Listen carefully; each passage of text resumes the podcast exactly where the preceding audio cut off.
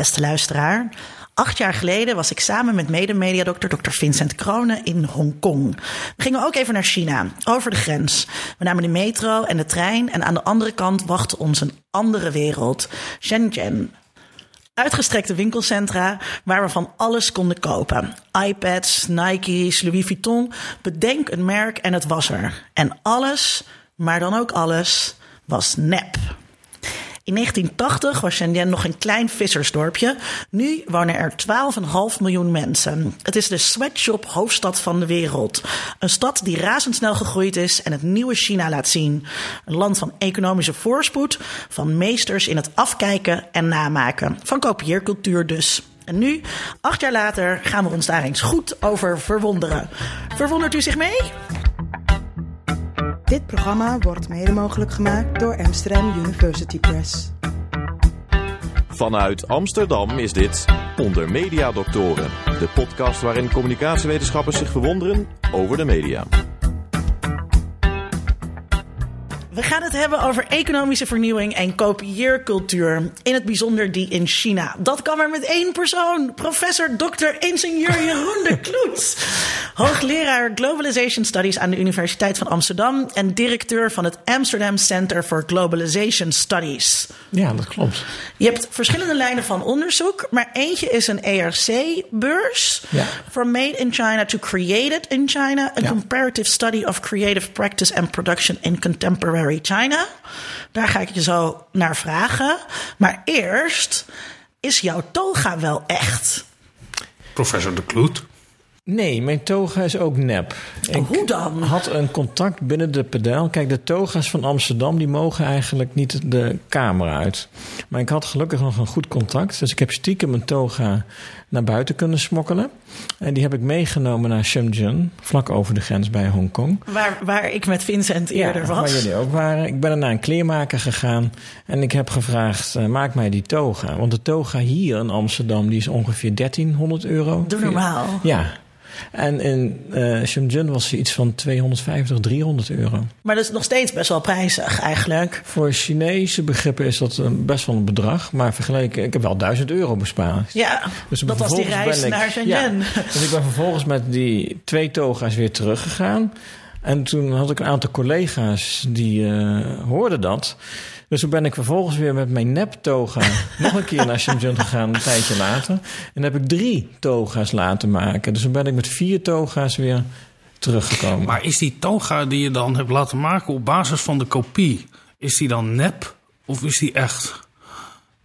Ja, voor mij zijn al die toga's. eh, het blijft gewoon een toga. Dus ik vind het redelijk echt. Ja. Maar je ziet wel, en dat vind ik het mooie eraan. Zeker de, de, de namaak van de namaak. is bij eentje is het oranje, is veel te oranje geworden. Dus je ziet de kleuren zie je echt wel vergeleken met het origineel. Ja. Zie je wel dat er een soort van afwijkingen zijn. Dat vind ik natuurlijk prettig. Want als het echt precies hetzelfde lijkt, is het een beetje saai. Ja. Ja. En eh, eh, ik weet dit verhaal. Ik vraag daarnaar omdat ik eh, bij jouw oratie was. Ja, En, ja. en toen vertelde je, dit verhaal. Ehm, was, dat was natuurlijk expres. Ja. Ehm, hoe werd daar dan op gereageerd door de wat meer conservatieve eh, collega's? Vonden die dat dit eigenlijk niet kan? Is dit een soort eh, ritueelschennis? Nee, nee, wat betreft toga's is denk ik is het echt wel. eh, Dat vonden ze wel oké. Dus daar, daar hoor je niet zoveel kritiek op. Het wordt het anders natuurlijk. Dus bij Louis Vuitton, Paul Smith. Eh, Ik denk dat daar. Of kunst natuurlijk. Ik denk wel dat. eh nepkunst, een, een nep van Gogh. Dat is natuurlijk, dat, die hang je thuis niet op als je goede smaak hebt. Ja. Dus daar, daar zie je wel heel duidelijk dat schei- die scheidslijn. Terwijl een hele goede namaak, dat weten ze natuurlijk allemaal, die kunnen we niet onderscheiden van het echte. Ja. Maar toch, dat aura, dat is zo belangrijk dat je gaat geen namaak thuis ophangen. Dat is een beetje banaal. Ja, ja. En ehm, eh, hier maakte het natuurlijk ook uit dat jij al eh, het- toegang moest hebben tot het pedel. En dat je dat kon regelen Ja. met die ene toga. Waaruit ook al wel weer een soort autoriteit dan wel authenticiteit sprak. Ja. Ja. Plus, juist ook weer omdat er zo'n verhaal achter zit, maakt het mij toch wel weer op een bepaalde manier uniek. Want alle toga's zijn in Amsterdam gemaakt door één dezelfde kleermaker. Ja. Eh, dit is- een soort van eh, monopolie op het maken van toga's. Dus mijn toga is in die zin wel weer wat unieker. Dat, Het was wel mooi geweest als jij die kopie had teruggehangen in de toga-kamer. Ja, en dat het origineel had meegenomen. Ja, maar die, die oude togen zijn altijd een beetje, een beetje mottig, vind ik. Van, Een beetje smoetsig. Een beetje smoetsig, van een beetje oud en zo. Dus Ja. dat vind ik. Wat je nu wel ziet de afgelopen paar jaar... dat is dat een heleboel professoren die maken een hele mooie binnenvoering in de toga. Om, om zich toch te onderscheiden van anderen. Dat was bij mij nog niet zo. Dus nu overweeg ik om er nog een keer terug te gaan. Ook een eh, Chinese draak of weet ik veel wat. Ik zie wel ja. een trend dat hoogleraren steeds meer opvallende schoenen dragen onder Ja. de toga. Om zich Ja, dat- toch nog een beetje Klopt, te, dat, ik- te dat onderscheiden. probeer ik soms Ja. ook, maar daar ben ik toch een beetje mee gestopt. Want je moet continu met die pedel dan. Dan worden ze een beetje bozig. En ergens snap ik dat ook wel, want die zijn er voor het bewaken van het ritueel. Ja. Dus ik snap dat wel. Ik zat dus laatst voor mijn eerste, eh, nee, ja, waarschijnlijk enige keer in een promotiecommissie in eh, Nijmegen. Daar raak ik niet over uitgepraat.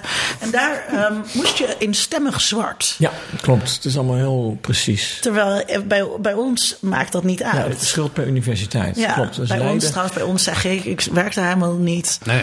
Aan de UvA maakt dat Ja, niet aan uit. de UvA, Hoe is het nou- bij ons, Vincent? Nou, In Utrecht, in, in waar we Utrecht is, is, is ook een strenge Ja, ja. pedel, dat moet natuurlijk, eh, die daar wel op toeziet. Dat dat, eh, en ik weet ook wel dat er eens dingen zijn afgekeurd of dat hoogleraren zijn aangesproken op. In, in Utrecht ben ik aangesproken dat ik geen schoenen met witte stippen meer mag dragen. Nou, kijk eens aan. Zie je, dat eh, trots Ja. op mijn, eh, in mijn universiteit. Leiden ben ik eh, aangesproken dat ik geen stropdas had. Toen vervolgens moest ik iemand ook vragen om mij te helpen, want ik weet niet hoe ik een stropdas moet strikken. Kijk, want deze frivoliteiten, hè, daar eh, bestaan we geen 400 jaar voor. Ja, U, eh, u hoorde hem natuurlijk al, zoals altijd aan mijn zijde, mijn mede-media, dokter, dokter Vincent Kroon. Vincent, heb jij nepspullen? Jazeker. Wat heb je Eh, allemaal? Nou, ehm, eh, eh, ik, mijn vader die vraagt mij elk jaar als ik op reis ga... neem heel veel cadeautjes voor mij mee. Eh, en eh, geld speelt geen Rolex, maar hij wilde graag een Rolex. En sindsdien heb ik zeker vier, vijf Rolexen voor hem gekocht. Uiteraard geen echte. Maar dan kom je er ook achter dat elk land in Azië weer zijn eigen nepspullen heeft. En dat er een enorm kwaliteitsverschil zit in de nep. Oh, is dat zo? Ja, je kan Rolexen kopen voor nou, 15 dollar tot aan 4, 5, 600 dollar. Die zijn nep, maar die zijn echt prachtig. En die doen het dus en ook die heel doen goed. het ook heel goed. En de verkopers die kunnen je ook heel goed uitleggen waarom de ene nep beter is dan de andere nep. En het zit hem ook dat er een doosje bij zit. En de catalogus die er echt bij hoort. En het zakje wat Ja, erbij zit. klopt. Juist in dat soort dingen zie je dat het zich enorm, eh, eh, een enorm kwaliteitsverschil in zit. Want, want Jeroen, toen jij die toga ging, eh, ging laten namaken... eh, had, toen, had je toen wat vooronderzoek gedaan naar welke kledingmaker in Shenzhen je moest hebben? Ja, via vrienden. Ja. Dat is allemaal via. Maar wat Vincent net zei, ook in die mall in Shenzhen, waar jullie ook waren met die eh, fake Louis Vuitton. Een vriend van mij was een keer met mij daar ook. En die bracht me ook. Je hebt dus ook weer winkeltjes die onzichtbaar zijn en waar dan de hogere, de hogere kwaliteit Louis Vuitton verkocht wordt. Dus die, brachten mij daar toen. En dat is inderdaad duurder, dat is mooier gemaakt. Dus ze zijn echt, dus binnen die fake heb je ook echt wel weer echt gradaties van kwali- kwaliteitsverschil. Ja. Plus wat je ook hebt, en dat is ook, ook lastig, maakt het ook lastig. Je hebt ook gewoon dat de restoverschotten verkocht worden. Dus bijvoorbeeld dat een Garçons... Wat- die wat gewoon echt is ja, die eigenlijk. zijn dus gewoon echt. En die, die hangen er ook tussen. En dat, dus je weet het soms niet eens zeker of het nou een fake is of dat het een echte is. Ja, wat natuurlijk ook eh, ons brengt op wat is dan eh, fake en echt. Want wat je zegt over die toga-maker, ja, die reproduceert ook maar eh, van een origineel. En die is daar Ja. ook al lang niet Ja. meer bij dat ene origineel. Ja, nee, het is natuurlijk altijd de constructie, maar ja, dus de Paul Smith. eh, die, ja, die, die legitimeert zich natuurlijk door in bepaalde fabrieken vanuit een bepaalde procedure wordt dit gemaakt. Ja. Maar dan ook in China, want vaak worden dus in China gemaakt. En je hebt ook gewoon dat dezelfde fabriek ook een fake lijn maakt. Ja. Dus dat ze in de nacht do- doorproduceren om het op die fake markt te brengen. Dus dat onderscheid is eigenlijk heel ambivalent. Ik meen me dat ik dat inderdaad wel eens in zo'n documentaire eh, van Teun van de Keuken heb gezien over de kledingindustrie. Dat de, de, de, ook de slechte werkomstandigheden die je dan in, eh, in Mhm. Bangladesh of zo eh, hebt, eh, dat daar net zo goed jouw hele dure dieselbroek Ja, eh, vandaan Ja. kan komen. En dat er eigenlijk helemaal geen onderscheid is. En wat wij denken dat kwaliteit is eigenlijk ook alleen maar, eh, je zei net een aura eh, Ja. is, Ehm, eh, dat we eigenlijk dat kopen. Ja. Ja, daar komen we straks nog over te spreken of die Chinezen dat dan beter doorhebben uh, dan wij. Ik dacht, uh, want misschien is het toch voor de luisteraar een beetje een lastig onderwerp. Of iets wat misschien iets verder afstaat van wat we normaal doen. Dus ik dacht, we kunnen er misschien lekker inkomen um, met een case study uh, die je doet, Jeroen. Mm -hmm, ja. Naar ja. Um, Daven. Ja.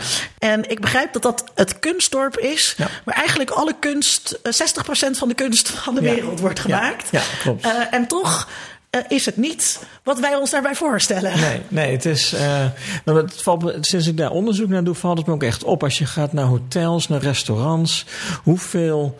Um, ja, een soort van niet heel erg aansprekende kunst. Je ziet gewoon reproducties overal hangen. En die worden dus daarover gemaakt. Dus ja. er zijn daar heel veel. En dat zijn vaak uh, migranten. Dus ze komen allemaal naar Shenzhen toe. Sommigen met een kunsttraining, maar de meeste niet denk ik. Uh, en die komen daar naartoe. En er is een boel die gaan werken in de fabriek, maar een aantal die gaan ook werken in dat kunstdorp. Uh, ze beginnen soms als een leerling.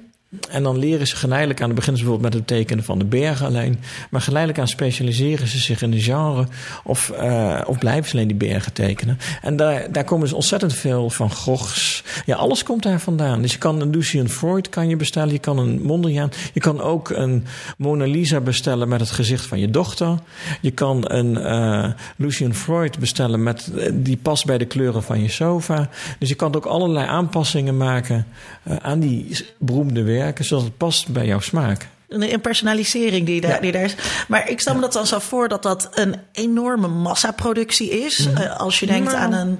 Of dat, dat valt Nee, zo dat valt mee. heel erg mee. Dat is een beetje natuurlijk het clichébeeld van China. Is vaak eh, van fabrieken met rijen mensen, met rijen mensen. Ja. En dat beeld is hier ook wel eens gereproduceerd, maar dat komt eigenlijk nauwelijks of niet meer voor. Het zijn vaak dus heel erg kleine galeries met een familie of een paar mensen eh, die die business runnen. En natuurlijk vaak, de business zelf gaat vaak via, digitaal, via WeChat en via internetsites. Eh, maar het is kleinschalig. Eh, deels wordt er ook buiten geschilderd, afhankelijk van jouw status. De, wat goedkopere uh, schilders die staan buiten, die schilderen tegen de muur aan. En je hebt ook kleine galerietjes, maar het is niet van die rijen, van, die soort van fabrieksmatig allemaal van Goghs maken. Dat is, dat is even geweest, maar dat is, dat is niet meer zo. En um, waarom is dat daar ontstaan? Waarom juist op die plek? Omdat Shenzhen, zoals je ook in de introductie al zei, dat is echt de migrantenstad van China. Dat is in een korte tijd is het uitgegroeid tot een stad van 12 miljoen mensen. En de, het mooie aan Shenzhen vind ik eigenlijk dat er een, niet een sterk gevoel van geschiedenis zit. En dat, ik vind dat heel prettig, want in Peking, in Shanghai zijn mensen vaak heel erg trots als ze uit Peking komen. En dan krijg je 5000 jaar geschiedenis en... Uh, uh. In Shenzhen, iedereen komt van alle plekken. Er is niet een soort van duidelijke lokale geschiedenis en geen duidelijke lokale cultuur. Er is wel natuurlijk een lokale cultuur, maar niet eentje die gebruik maakt van al die verhalen over het verleden. Dus ik vind dat best wel bevrijdend, want China beroept zich vaak op die hele lange geschiedenis. Ik vind dat eigenlijk vaak verstikkend. Ik snap het ook nooit zo goed van alsof als je meerjarige geschiedenis hebt, je ook meer cultuur hebt. Dat geloof ik helemaal niet. Alsof cultuur iets als geld is dat je kan verzamelen. Maar en, maar daardoor kwamen dus heel veel mensen naar Shenzhen. En het ligt heel strategisch, dicht tegen Hongkong aan. Dus ik denk dat dat de reden zijn. Er zijn en veel migrantenarbeiders. Er was begin jaren negentig zijn er een twintigtal schilders... onder aanleiding van één meneer, meneer Liang... zijn daar begonnen met het maken van kunst. En het is ook niet, ook niet alleen maar Chinees. Je kan dus dorpen denk ik ook vinden. Volgens mij in Roemenië heb je het gehad. En in Indonesië. Het is ook niet dat het specifiek Chinees is. Alleen in China is het weer zo, zo groot. Maar dat kan ik me van de stad ook nog heel erg herinneren. Dat het een stad was waar je het idee had, en volgens mij is dat ook zo, dat niemand daar vandaan kwam. Ja, en iedereen was daar om te werken. Ja. Uh, dus er was ook bijna geen cultureel leven of een veel restaurants, tenminste het Ja, acht jaar nu, geleden. Ja, dat is nu wel. Dat is nu echt ook cultureel. Ook qua, er komen steeds meer musea op. Ook heel veel qua design en architectuur zit er, best, is het echt wel veel nu. Nou, dat, dat geloof ik graag, dat dat zich dus aan het ontwikkelen is, omdat er ook weer mensen zijn. Ja, en als er dan iemand is met een goed idee Ja, en, en, dat dat was ook, verkoopt. voor, voor eh, lange tijd was het net iets vrijer, leek het, dan, eh, dan een stad als Shanghai of Peking. Dat het meer dichter bij de overheid staat. Ja, maar over een, een, een nepschilderijen. Ik heb wel vaak veel van de rare baantjes heb gehad, maar ik heb nog een mooi raar Ik wacht baantje al, gehad. wanneer Ja, komt hij? Voor de Ondermedia Doctoren podcast bingo. Dit is, Vincent vertelt heeft iets ook nog over een een leuk bijbaantje oud gehad. baantje. En uh, dan werd ik in een busje gestopt. Ja, het is- klinkt een raar verhaal, dat is echt waar. Dan werd ik in een busje gestopt en ik moest me een beetje beetje, het was goed als ik me een beetje shabby zou kleden. En dan werd ik echt naar Middenbeemster of zo'n Noord-Hollands dorp gebracht. En dan moest je langs de deuren gaan met een schilderij onder je arm. Je zei, ik ben eh, kunstenaar aan de kunstacademie en wij verkopen ons werk. Oh, en wat ook handgeschilderde ansichtkaartjes. En die stonden gewoon stapels hoog in dat busje opgestapeld. En dan verkocht je dat en dan mocht je daar 20% van houden. Maar dat was echt wel 300 gulden toen of zo. En het erge was... Ten eerste, je zit die mensen gewoon keihard op te lichten. Van dat heb je zelf gemaakt. Maar dat waren wel echt olieverfschilderijen. Dus ja, ja. het waren geen, geen printjes of zo. En die waren, werden ook ergens, eh, ergens Gemaakt. gemaakt. Die werd ergens Misschien gemaakt. in China En het dus. waren ook van die hele behagelijke dingen. Weet je wel, zo'n zo'n een piramide met een regenboog er doorheen. Of Maar waar dus het, ook wat eh, Jeroen zegt, van de- precies het soort typische kunst dat je in een, in een van het hotel ziet. Dus Ja. Niemand neemt er echt aanstoot aan, maar niemand ja. vindt het ook echt mooi. Totdat ik een keer bij een, een vriend van mij thuis kwam... die voor zijn verjaardag een heel mooi kunstwerk van zijn ouders had gekregen. En ik herkende dat het zo'n Ja, boek was. Wat op stapel zo daar in die busjes lag. En dan is het toch moeilijk om tegen zo iemand te zeggen... mooi, weet je ook waar het vandaan komt? Ja. Eh, want dat was een, ehm, een opkomende kunstenaar eh, uit de omgeving van Nijmegen. Nou, mensen die mij kennen weten het over welke vriend het gaat. Eh, sorry, short. Ja, maar, maar ehm, eh, Jeroen, want ik zie dus ook wel eens. ehm, hi- hier in de stad eh, er worden ook wel eh, veel schilderijen verkocht. verkocht. Ook van Gogh. De Van Goghs van, er is een hele mooie documentaire over. Over de Van Gogh eh, schilder in Shenzhen in Dafen. En die had eigenlijk, dat een beetje een treurige documentaire. Dat, die heeft twintig jaar lang alleen maar Van Goghs geschilderd. En die is toen eh, met die documentairemaker Kiki Chu is, ze naar Amsterdam, is hij naar Amsterdam gegaan. En het viel dus heel erg tegen dat hij, eh, dat hij gewoon ergens in een toeristentrap verkocht werd. Hij verwachtte dat hij in een galerie eh, dat zijn werk verkocht werd. Ja. En hij raakte echt in een identiteitscrisis in die film. Want hij ging ook naar het echte Van Gogh Museum. Die overigens weigerde om die man serieus te ontvangen. Wat ik redelijk schandalig vond. Want het past niet in hun beleid. Dus er wilde niemand officieel van het. Dat, Ja. dat is ook Ja. wel een beetje flauw. Dat vind ik heel flauw. Ja, Ja. Dat vond ik echt heel teleurstellend. En, ehm, en daar raakte die ook. En dan, wat ik daar jammer aan vond, is dat het eigenlijk heel erg het idee van creativiteit bestendigde. Dat het toch over uniciteit moet gaan. En dat hij opeens het gevoel had van ja, maar dit kan ik niet. En dit is zoveel waard. Ik doe het al twintig jaar. Ja. En waar doe ik het eigenlijk Ja, maar voor? dat, het- kijk, dat zo'n Van Gogh dat wil beschermen. Hè, die wil er niet mee geassocieerd worden. Dat, hetzelfde met de dure merken die in dezelfde fabriek worden gemaakt. Het is natuurlijk vreselijk Mhm. voor een, eh, een... Als je je merk wil behouden... dat daar in de avonduren hetzelfde product wordt gemaakt... maar dan niet onder jouw label... of misschien kwalitatief net niet aan de standaard voldoen. Dat is natuurlijk altijd die spanning. Dat Die spanning kopie is er al. altijd Ja, een bedreiging is. Maar ook weer niet helemaal. Dus in dat Van Gogh in de winkel, die verkopen natuurlijk ook de ene reproductie na de andere. Ja, want dus dat ze is- zijn niet bang voor kopieën. Alleen, ik denk dat hier dat het net iets te dichtbij komt. Want eh, bij de IKEA hangen inderdaad ook eh, eh, de zonnebloemen. Ja. Ehm, eh, ik heb zelf boven mijn bed een, een blauw naakt hangen van, ehm, eh, wat is het, Matisse. Wat ook ooit Ja. bij de IKEA werd verkocht, maar dat is al zo lang geleden. Dus bijna niemand van, van die ik ken heeft dat dan meer. Dus dan valt het ook niet op dat het van de IKEA is. Dus dan wordt het weer wat Ja. meer oké, want dan lijkt het een unieke poster. Ehm, wat is dan het verschil Al die jonge jongetjes die denken... oh, dat is een echte Matisse. wat, wat, ik, want wat, ik eigenlijk, wat ik eigenlijk wel vraag. Ik wou eigenlijk niet vragen naar die schilder. Maar ik zie hier in Amsterdam ook wel eens bij zo'n kraampje iemand zelf een beetje zitten schilderen. Die eigenlijk Mhm. ook ditzelfde werk doet. Die dat ook reproduceert. Eh, maar dan lijkt het toch unieker of echter. En, en we hebben ook een beeld van China. Van alles eigenlijk wat daar vandaan kan komen. Kan ook niet echt eh, zijn. Ja, maar dat beeld, dat, ja, dat, dat, zou, dat bespreek ik natuurlijk. Ja. Er komt een heleboel... eh, Daarvoor hebben we hier. Kunst. Ja, er komt een heleboel kunst. Ik, vind, ik zou het graag omdraaien. In de zin dat ik juist denk... Dus afgezien dat er... eh, Kijk, een- één antwoord kan zijn... En die, dat het antwoord klopt ook... Dat er heel veel mooie, goede kunst uit China komt... Die eigenlijk wel passen in het idee van een getormenteerde documentaire maken. Eh, politiek gedreven kunst. eh, geëngageerde kunst. eh, eh, hele geweldige rockmuziek. mooiste, mooiste hip-hop wordt er gemaakt. Dus alles wat we hier kenden, wordt- dat zie ik ook in China terugkomen. En dan heb je nog andere vormen die misschien wat specifieker zijn. De kalligrafie, eh, de traditionele schilderkunst. Dus er wordt een heleboel heel erg mooie kunst en populaire cultuur gemaakt. Maar dat is één deel van het antwoord, maar dat is natuurlijk een beetje een saai deel, want dan verdedig je een bepaalde cultuur. Mhm. En dan neem je ook spannend. de standaarden Ja, van ons, ja, namelijk precies, die ja. documentaire. Ja, en dan ga je dus toch weer eigenlijk mee in een soort van dominant verhaal. Dat kunst dit A, B en C, dus uniek, vernieuwend, eh, getalenteerd. Dus allerlei ideeën, eh, verhalen die rondom creativiteit leven, die neem je dan weer over. Mhm. Dus ik vind het juist spannend om ook te kijken naar bijvoorbeeld kalligrafie, waar het juist gaat om hoe goed je de meester imiteert. Of inderdaad, dat je goed kijkt, nou, dat je kijkt wat gebeurt er nu bij in zo'n dorp als Daven. Ehm, en wat ik bijvoorbeeld interessant vind, is wat één ding wat je daar ziet, is dat is craftsmanship wordt, wordt er nog heel erg gewaardeerd. En wat je ziet in het Westen, wat ik ook een heel ingewikkeld begrijp, ik weet nooit waar het Westen ligt, maar je ziet wel, als je kijkt naar geschiedenis van Ergens Europa, midden, midden-aarde toch? Ja, ja. Bij Lord of the Rings heb je daar niet ook eh, onderzoek naar gedaan? Avondland, daar de zon onder. Hallo. Ja. Maar dat je op een gegeven moment na, die, na de romantiek dat heel erg het idee van kunst en, en craftsmanship, hoe zou je dat vertalen?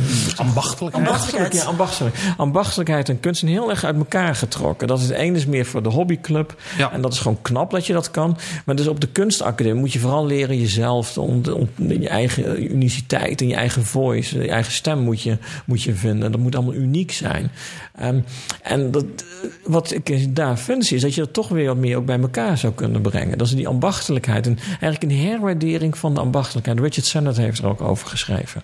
En ik, dat vind ik wel een mooi beeld. Dus dat je die creativiteit, dat die ook juist in die ambachtelijkheid zit. Dat die ook in de alledaagsheid zit. En dat die dus ook kan zitten in het, in het jatten, in het kopiëren, in het misbruiken, in het omvormen. In het, dus al die, dat, al die rare processen van toe-eigening, van, eh, van stelen, echt, dat dat even goed ook heel creatief kan zijn. Ik vind het ook dat heel wonderlijk. eh, wil ik toch nog even zeggen, als wij die discussie. eh, elk jaar komt alweer eens een keer. Is het een echte Rembrandt? Ja, dat vind ik zo te bizar. Want het zou ook een leerling kunnen Ja. zijn uit het atelier van Rembrandt. Ja, en het gaat. Ja, Of sterker nog, we hebben zitten al jarenlang naar een doek te kijken, Ja. wat we allemaal prachtig vinden. En dan zeggen we: nee, het is een leerling. Ja. En dan daalt de achting. daalt de prijs. Los, van de prijs, maar een achting. Ja. Dat Ja. doek gaat toch in een ander zaaltje hangen. Maar de prijs daalt ook. Dus de het is prijs achting en daalt ook. prijs zijn aan elkaar eh, gekoppeld. Ja. Maar komt dat dan omdat wij een beperkt beeld hebben van eigenlijk wat,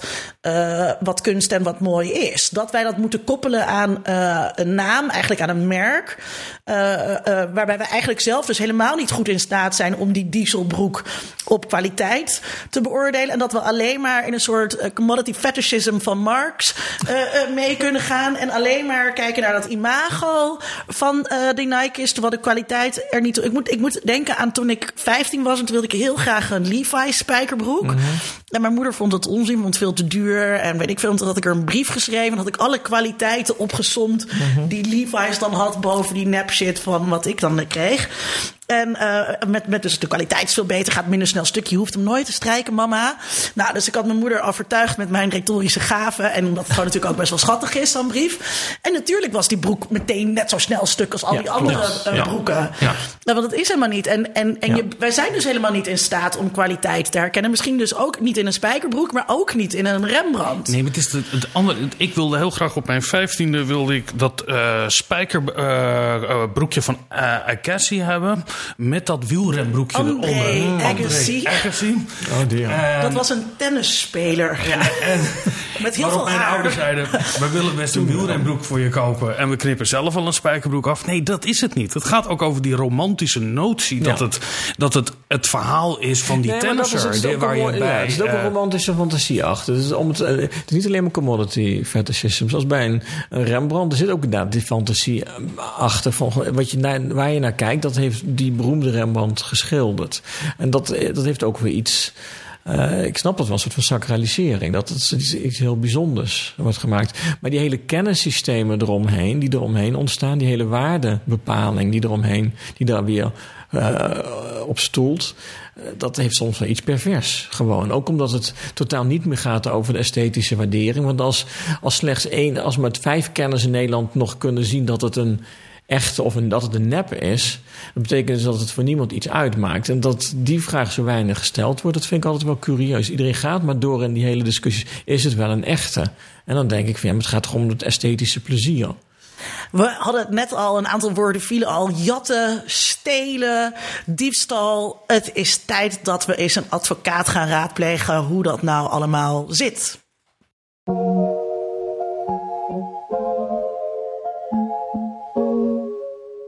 Dag, mijn naam is eh, Jean-Louis Veenstra. Ik uh, ben advocaat bij de Kunstenbond. De Kunstenbond is de vakbond voor creatieven, zoals we zeggen. Dat houdt in dat iedereen die uh, zich op een of andere manier met het maken bezighoudt, die helpen wij.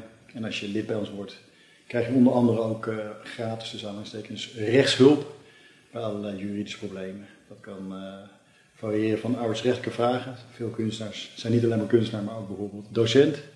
Tot vragen over muziekcontracten en auteursrechtinbreuken. En noem maar op. In het algemeen, naast, naast mijn bezigheden binnen het arbeidsrecht, wat ik veel doe, veel in de creatieve sector, doe ik ook regelmatig zaken die auteursrecht inbreuken betreffen. En dat is, daar is eigenlijk heel snel sprake van. Wat we vaak hebben zijn, zijn veel fotografen lid bij ons. Nou ja, je kent het al, een foto wordt voor een website gebruikt of voor wat dan ook. En daar is geen toestemming voor gevraagd, nog verleend. Op dat moment is er al sprake van een auteursrechtinbreuk. Daarnaast hebben we bijvoorbeeld ook veel um, illustratoren als lid of we hebben veel ontwerpers. Nou ja, ook daar geldt hetzelfde voor. Er wordt wat gemaakt een andere partij denkt, hé, hey, dat is leuk, dat maak ik ook. En, uh, en, en, en, die brengt dat bijvoorbeeld op de markt. Vervolgens uh, komen de leden bij ons en zeggen, mag dat? En meestal zeggen wij, nee, dat mag niet. Als je kunt aantonen dat jij de auteursrechthebbende bent. Als je geen toestemming hebt en je hebt het, zoals het heet, is heel erg uh, formalistisch, maar die auteurswet is uit 1912. Maar als je iets openbaar maakt of verveelvoudigt, dan, en je hebt daar geen toestemming toe, dan is er al sprake van een inbreuk. Nou is het natuurlijk niet zo dat elke, um, elke maker van een werk zou zeggen, hey, potverdorie, dat is een foto van bijvoorbeeld een kunstwerk, ik ga, dat, ik ga daar wat mee doen. En het internet is natuurlijk ook ja, prachtig platform waarvan alles gedeeld wordt, waar ook makers heel vaak zo denken, zijn maar fijn dat mijn foto ergens anders uh, getoond wordt of op een Instagram uh, pagina, waar dan ook. Alleen in principe heb je toestemming nodig, want het is een exclusief recht van de maker, dus van degene op wie, bij wie het auteursrecht uh, berust. Het is heel simpel. Alle ideeën, alle schilders, van Mondriaan tot Picasso, van uh, teken, tekenaar van Luc Luc tot wat is het, die laat zich inspireren. Inspiratie is prachtig. Dus je mag je altijd laten inspireren. alleen op een gegeven moment moet het wel zo zijn dat, dat je niet gaat kopiëren. Zo is bijvoorbeeld een idee, dat kun je niet auteursrechtelijk beschermen. Een uitgewerkt idee wel. Auteursrechtszaken worden me meestal proberen het in den minne op te lossen. Dus gewoon in onderling overleg. Dat heeft een aantal redenen. Eén, het is prettiger. Uh, dus uh, wat je doet, je, schrijft iemand aan en zegt luister, sorry, ja, maar, sorry. je geeft aan, jij maakt inbreuk op mijn auteursrechtelijk beschermde werk, kun je ermee stoppen? Als je er niet mee stopt, dan overweeg ik om naar een rechter te gaan of een advocaat in te schakelen. En dat kan me meestal werkt het al. soms moet je dan nog eerst een vergoeding betalen, maar vaak wordt het voordat het bij een rechtbank komt opgelost. Een belangrijke reden om het niet bij een rechtbank te brengen is ook omdat auteursrechtszaken dat zijn zaken die het intellectuele eigendom betreffen. En dat zijn vaak hele dure zaken, gek genoeg. Het zijn dure advocaten die ingeschakeld moeten worden. En als bijkomstprobleem is, uh, uh, is het zo dat binnen dit rechtsgebied, als je een zaak verliest, dus als auteursrechthebbende of als inbreukmaker, dan betaal je de totale proceskosten van de advocaat, van degene die uh, gewonnen heeft. En dat is in het gewone recht niet zo, dat zal ik verder niet helemaal uitleggen, maar dan betaal je maar, laten zeggen, een bedrag van 1000 euro gemiddeld. Hier kan het dan vaak gaan om bedragen dus 25.000 euro. Dus het is ook nog een keer is een grote incentive om niet naar de rechter te gaan, want los van de auteursrechtinbreuk kun je dus ook nog in behoorlijke kosten veroordeeld worden. Dat is dus een reden waarom het sowieso goed is om niet naar de rechtbank te gaan.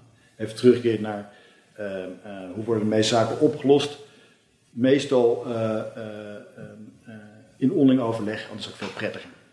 Wat kun je doen als in China opeens jouw, jou, bijvoorbeeld jouw mooie tas gekopieerd wordt?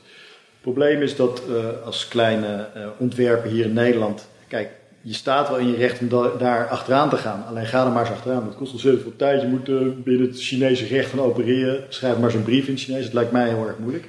Dus wat je vaak ziet, ehm, dat kleinere partijen, die gaan vaak gaan ze een samenwerking aan met een grotere partij.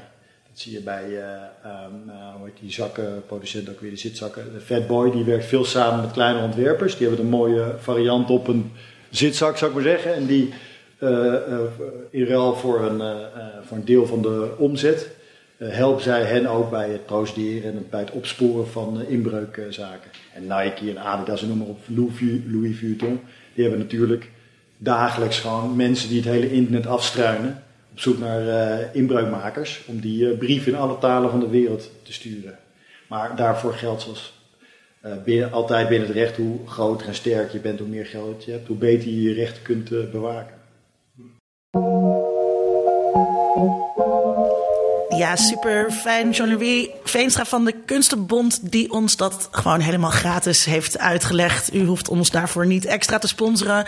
Mag natuurlijk wel, maar eh, eh, dat was in dit geval niet nodig. Eh, we hebben trouwens ook zo'n bedrijfje dat dat doet, benaderd. Die dus dit soort namaak in Nederland opsport. Maar die wilde niet meewerken, waren te druk met geld verdienen. Ehm, maar Jeroen, hoe zit dit nou? Die, die regels zijn in Nederland best wel eh, duidelijk. Dat auteursrecht. Ehm, ehm, eh, bedrijven zitten daar dik bovenop. Precies eh, vanwege wat Jean-Louis zei. Wat ook eerder genoemd werd. Om die verwarring te voorkomen. Dat is funest voor je, voor, voor je merk. Hoe kan het nou dat Vincent en ik Zhengyang inlopen. En alles daar is nep? Dat, dat, kan, dat kunnen die advocaten. eh, die Nederlandse advocaten kunnen dat toch ook doen. En daar gaan staan en zeggen dit is nep. Jongens, we gooien deze tent dicht. Ja, daarvoor denk ik, is inderdaad wat hij ook zegt, dat het te moeilijk is. Kijk, die wetgeving in China is ook best wel goed. Hè? Dus de wetgeving over copyright protection, over merkrecht, die wetgeving is best wel goed. Die is niet anders dan de ons. Het is niet dat ze in China zeggen: hier worden wij groot mee. Nee, nee, nee. wij nemen is- totaal andere ja. wetten. Nee, nee, nee, nee, nee. Dus die wetgeving ook, ook zeker toen ze in 2001 de World Trade Organization mee moesten, was een van de eisen. Jullie moeten wel gewoon gedegen wetgeving hebben over eh, merkbescherming en eh, piracy. Alleen de, de uitvoering van de wet, daar zit altijd het probleem.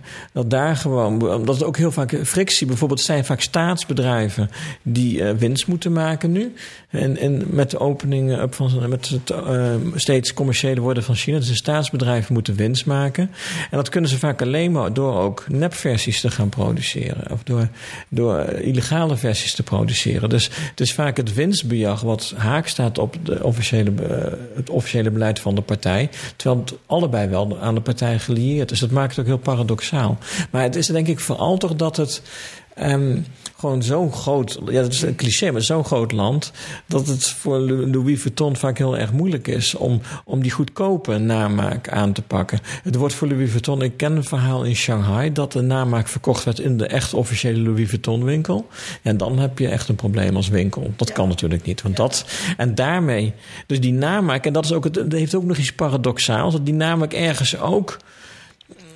ehm, het echte weer meer waarde geeft. Want juist omdat er zoveel namaak is, eh, kan jij zeggen, maar dit is een echte Louis Vuitton. En Louis Vuitton doet natuurlijk wel aan, dat om wel echt de, de, de details te geven, dat ook de, de echte kennis zien dat denk ik vaak ook. En het gaat juist, en juist voor die echte kennis wil jij je onderscheiden. Wil je, jij wil dat die echte kennis weten van hoe dat is een echte Louis Vuitton. Net zo goed als iemand die heel erg, into mode, heel erg in mode is, die vindt het leuk als iemand zegt van dat is echt, dat is, is dat een Walter van Beirendonk of is dat een Comme de Casson? Dat maakt een echte eigenlijk nog weer echter. dat maakt als je die eh, kenmerken ja. kunt herkennen. En, en wat ook wel eens beargumenteerd, is dat die, maak, die namaakversies die op de markt zijn, die geven een, een armere klasse wel de mogelijkheid om toch ook Louis Vuitton en Paul Smith eh, te gebruiken. Maar is het dan de. Want dat kopiëren gebeurt niet alleen met kleding. Het gebeurt ook bijvoorbeeld met eh, technologie, eh, autotechnologie, maar ook die elektronica. Dat die spullen vooral voor de binnenlandse markt zijn. Want je kan het in het buitenland niet op legale wijze. Nou ja, toen wij, eh, toen wij daar waren, toen wilden we zo'n namaak-iPad kopen, ieder. En ik geloof dat ze iets van eh, 20 of 30 euro omgerekend waren. Dus dachten Ja. ook, nou, is een leuk gebbetje Ja. om Ja. ook wel te hebben. Maar we waren een beetje bang, hoe zit het met batterijen? Misschien eh, ontploft dat, eh, dat Ja. ding wel. Eh, dus we hebben dat dus maar niet gedaan. Ja, maar ik weet ook dat je mag in Nederland, wat ik heel raar vind, je mag eh, zeker één of twee nep zonnebrillen invoeren, een paar schoenen. Daar zijn eh, bij de douane gewoon regels voor. Als het Oh, maar niet. ik niet. Ik dacht ja, het is niet helemaal verboden Oké, in ik dacht Nederland. nep helemaal Zolang het volgens mij ook maar duidelijk is dat het dus niet echt is. Dus als jij een Dolce Gabbana zonnebril hebt gekocht voor een tientje op, eh, op de markt in Turkije. Er zit geen doosje bij, er zit geen briefje bij, Ja. geen doekje bij. Dan is het obvious of dat het nep je- is. Ja, of je gaat het niet, als je de 20 hebt, dan is dat, dat is niet voor eigen gebruik. Het is eigenlijk een beetje hetzelfde als softdrugs. Eh zolang het Maar daar met die, ja, ja, maar met die zeer nagemaakte Rolex heb je denk ik al wel sneller een probleem. Nou, je mag, je mag tot iets invoeren, maar waar gaan die spullen naartoe? Die in China worden Ja, geproduceerd. volgens mij zijn ze echt voor meer voor de binnenlandse markt. En mensen uit Hongkong, dus via Hongkong gaan mensen va- er komen echt in Shenzhen boodschappen doen. En die nemen ze over de grens mee terug. Ik, ik weet niet of dat makkelijk geëxporteerd kan worden, want dat lijkt me lastiger. Er zaten ook voor ons helemaal geen apps op die, eh, op die iPad. We konden daar ook niks Nee, mee. maar ook de, de, de, ik begreep Chinese auto's die worden geproduceerd. In die, in die Ja, ja, zitten ja. ook eh, eh, innovaties die uit de Japanse of de Amerikaanse of de Europese auto's komen. Ja, dat kan je nooit eh, exporteren naar andere landen. Eh, Ja, behalve, maar dat is natuurlijk wat je een ander proces wat je nu wel ziet. Maar dat, er is nu zoveel geld in China. Die, vooral de technologische ontwikkelingen gaan zo snel. Dat bijvoorbeeld, er is nu de NIO. Dat is zeg maar de Chinese versie van Tesla. Dat is een start-up. En daar maken ze dus echt hele grote sprongen. Dus het zal me echt niks verbazen over tien jaar. Juist wel de, de Chinese auto is die geëxporteerd wordt. Eh, je, hebt, je hebt nu ook al de scooterwinkel. De NIO. Dus de, de- de- bij het eh, eh, museumplein. Eh, die worden daar verkocht. Dus Ik koop ook Chinese- speciaal, eh, hoe heet dat? eh ik spreek dat uit Xiaomi? Xia- Xia- Xia- Xiaomi. Ja. Xiaomi eh, Ja. Ja. eh, batterij voor je telefoon en zo. Ja. En die zijn gewoon super mooi en heel goedkoop. Maar die zijn wel goedkoop. echt stylish. Ja, die zijn, wel, ja, en, En je dat wil dan ook een echte Xiaomi. Ja, Ja. dat klopt. En dat begint een beetje als een kopie. En dat was echt heel erg duidelijk een kopie van Apple. De website, het design, het leek heel erg op Apple. Maar het ging wel ook zelf echt innoveren. Dus het ging ook lucht, lucht eh, eh, maken, eh, rijstkokers. Met heel mooi slick design. En ook allemaal, ook allemaal met, eh, op afstandsbestuur met je apps. Dus het nam heel erg die Internet of Things over. Dus het, het begon een beetje als we kijken naar Apple en kijken hoe we dat na kunnen maken, maar dan veel goedkoper. En het is nog steeds heel goedkoop, maar het gaat ook eens allerlei andere producten maken.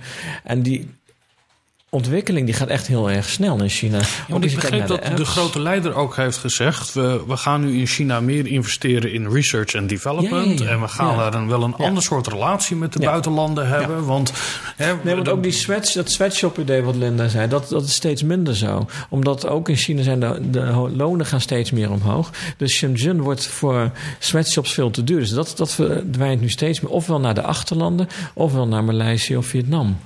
En ehm, innovatie is dus wel degelijk belangrijk. Dat idee van eh, kopiëren was misschien eh, één stap, zoals je het nu beschrijft. Of bedenk ik dan veel te westers Ja, lineair? Ja, ik, ja, ik heb problemen met het lineaire denken. Maar het is Ja. ook een romantisch verlangen van mij... dat er wel altijd... dat het kopiëren een belangrijke... Mijn romantisch verlangen over China, maar dat eh, valt telkens tegen... is dat China zou eigenlijk een ander model moeten proberen te ontwikkelen. want zoals we het nu doen, eh, we, hadden net dat filmpje over auteursrecht, zo doen wij het hier. Nou ja, China is dan eigenlijk een beetje het nieuwe Wilde Westen waar je daar geen grip mee op kunt Mhm, krijgen. Maar op den duur wordt China net als wij. Ja, dat is het, vind ik een probleem. Ja, Ja, dat, ja. dat zou je Ze hopen zijn dat... nog niet zo ver. Ja, Ja. en dat is het heel erg. Deze zijn nog niet zo ver. En dat zie ik ook in mijn oudere onderzoek naar, de, naar rockmuziek. Was altijd het verhaal van. Nou, je gepromoveerd bent? Ja, waar ik op gepromoveerd ben. Dat was altijd het verhaal als ik het aan studenten liet zien. Van ja, dat is een beetje ouderwets. Dat deden wij tien jaar terug. Dus het was altijd het idee, nu kopiëren ze nog. En nu misschien later worden ze net als wij. Maar het is natuurlijk veel interessanter om te denken. Kunnen, kan China ons bijvoorbeeld ook een ander idee geven over creativiteit? Wat ik straks over die ambachtelijkheid. Misschien kunnen we meer, meer waardering krijgen voor ambachtelijkheid. Misschien kunnen we juist meer begrip, kijken dat, begrip krijgen dat creativiteit ook heel erg een sociaal proces is. Dat het niet een individueel, uniek persoon is. Maar dat is natuurlijk heel erg bedreigend voor allerlei gevestigde belangen eh, eh, binnen Europa en de Verenigde Staten staten. Ja, maar daarom moet je er juist denk ik voor openstaan. Ja, ik denk, Apple gaat daar niet blij mee zijn.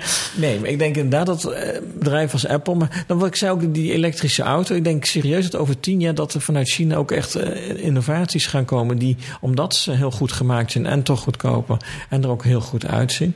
die inderdaad een, een bedreiging... maar dan, dan maak je het heel competitief. Ik denk dat we er juist meer open voor moeten staan. Ik denk dat het juist te vaak gezien wordt als een bedreiging. Maar dat is natuurlijk mijn probleem nu in Europa en in Nederland... is dat het wordt eerder steeds provincialer. Mensen willen juist niet zo goed kijken naar wat er elders gebeurt.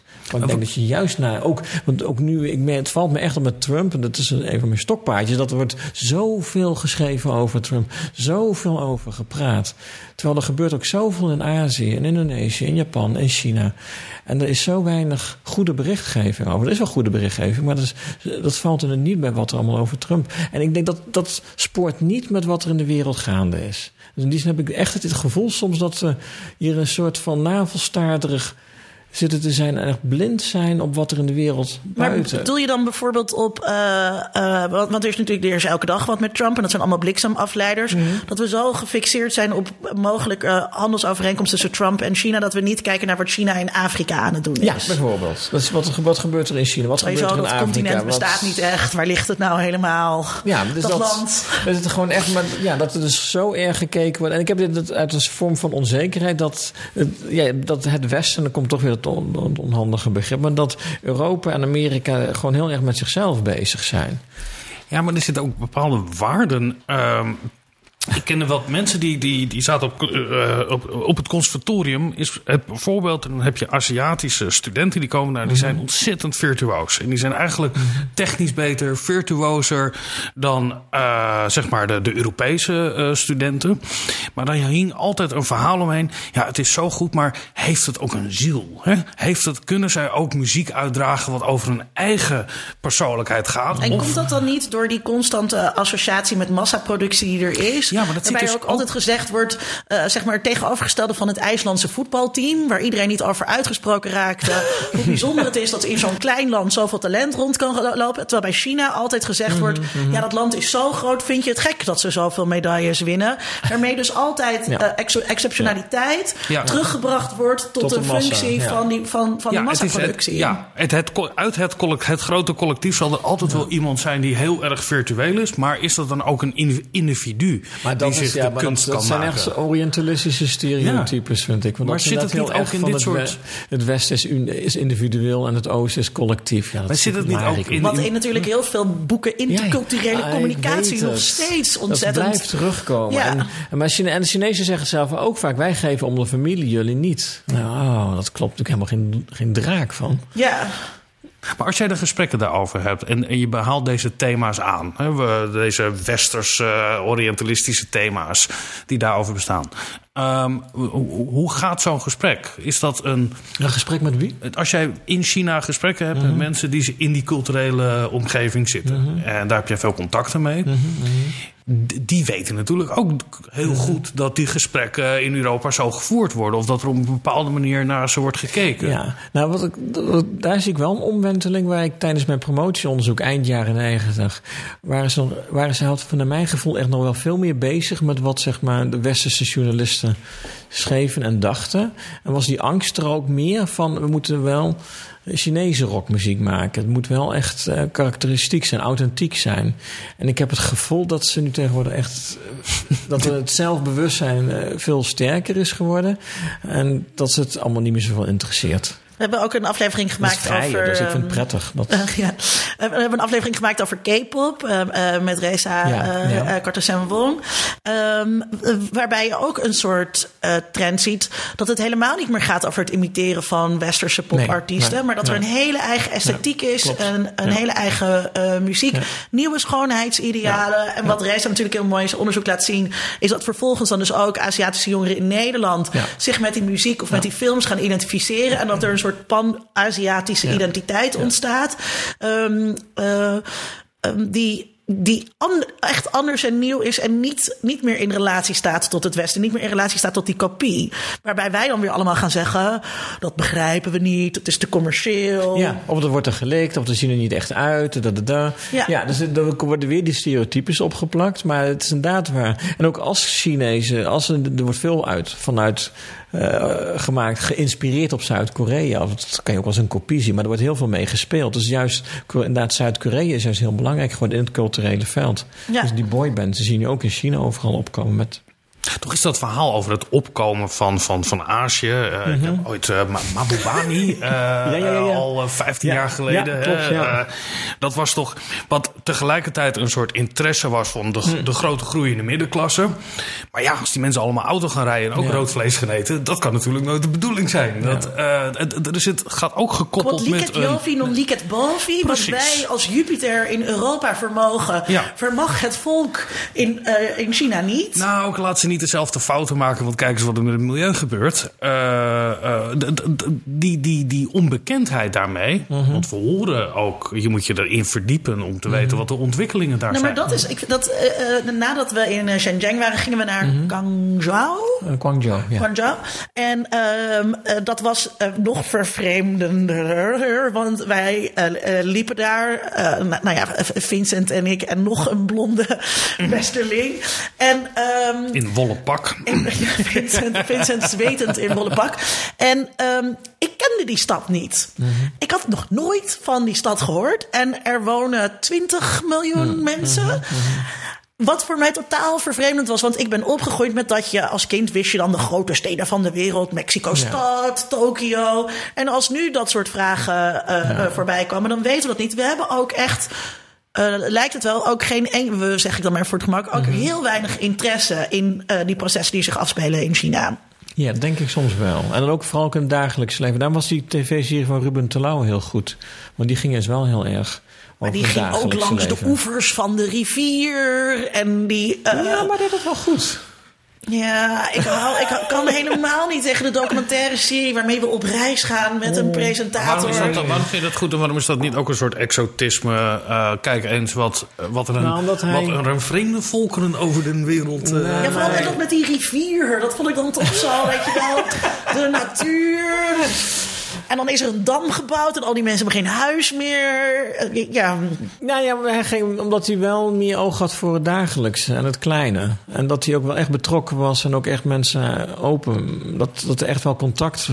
eh, hij kreeg echt contact met de, mensen, met de lokale bevolking waar hij overal heen Ja, ging. omdat hij ook de taal. eh Hij sprak de taal ook. Ja. Dus dat- Maar wat mij opviel toen wij er waren, en dat is helemaal iets, iets, iets nou ja, dat zegt iets over, eh, over ons. Dat de mensen daar helemaal niet heel erg geïnteresseerd waren in ons dat wij daar waren. helemaal niemand. niemand sprak ja. ook Engels, niemand staarde ons ook- na. nee. Eh, het was een, een, een gegeven wat gezien werd. Het werd niet nagestaard, werd niet Ja, aangesproken. maar het komt omdat je dat, dat gewoon grote wereldsteden zijn. Ja, En mensen waren dat- ook gewoon hard aan het werk, Ja. had ik het Ja. idee. Die waren bezig met hun eigen ding, hun eigen leven Het draaiende zijn te grote houden. wereldsteden, maar wel vrij monocultureel. Het zijn echt heel veel Chinezen. Ja, Dus niet zoals Londen, ja. eh, dat je heel veel In andere Aziatische steden heb je dat veel sterker. Dat je die, die menging en ook een soort, soort interesse eh, daarin. Laten we teruggaan Ja. met de kerst of zo. Eh, dan gaan we erheen, Vincent. Hey, ehm, eh, we hadden het er al even over dat de middenklasse heel erg aan het groeien is in, Mhm, eh, in China. Sommige Chinezen komen ook naar Nederland toe. Ik ga binnenkort een scriptie begeleiden over giethoorn en Mhm. Oh ja, toerisme. dat is een mooi onderwerp. Ja. hart, hartstikke leuk. Ehm, en we hadden eigenlijk gehoopt dat we wat Chinezen zouden aantreffen bij de Bijenkorf. Onze redacteuren gingen op reportage. We staan hier vandaag voor de Bijenkorf en we zijn heel erg benieuwd naar de mensen die hier aan het winkelen zijn. Is het voor hen belangrijk dat de producten die ze kopen uniek zijn? Ik heb geen idee, ik heb er nog nooit over nagedacht. If something is unique but I would still wear it, then I would buy it. But if it's just unique and then it's kind of something that I wouldn't wear too often, it's maybe something I would wear on one occasion, then I probably wouldn't buy it. Nou, ik heb een Burberry jas gekocht. Ja. Het is een trenchcoat, maar ja, ik ga het niet helemaal uithalen. Hij is wel vet, hij is wit en eh, lang. Nou, ik zag hem hangen en ik dacht, jij bent van mij. Ja, de stof moet wel lekker aanvoelen en mooi zitten, zeg maar, een mooie pasvorm. En is het daarbij van belang voor jou of het uniek is of niet? Ja, dat wel. Ik kan wel wat van apartere dingen, zeg maar. Nou, het hoeft niet per se echt uniek te zijn. Nee? Nee. Ja, ap- iets aparts vind ik wel leuk, maar echt uniek, nee. Dat, eh, Nee, dat bestaat niet. Eh, Zelf gaan designen. Maar dat eh, is niet de moeite waard voor wat ik doe dan voor werk. Okay. I think I more just buy what I feel like. And if it's unique, then it is unique. If it's not unique, then it's not. But I don't think I feel like it's not my priority. What about you?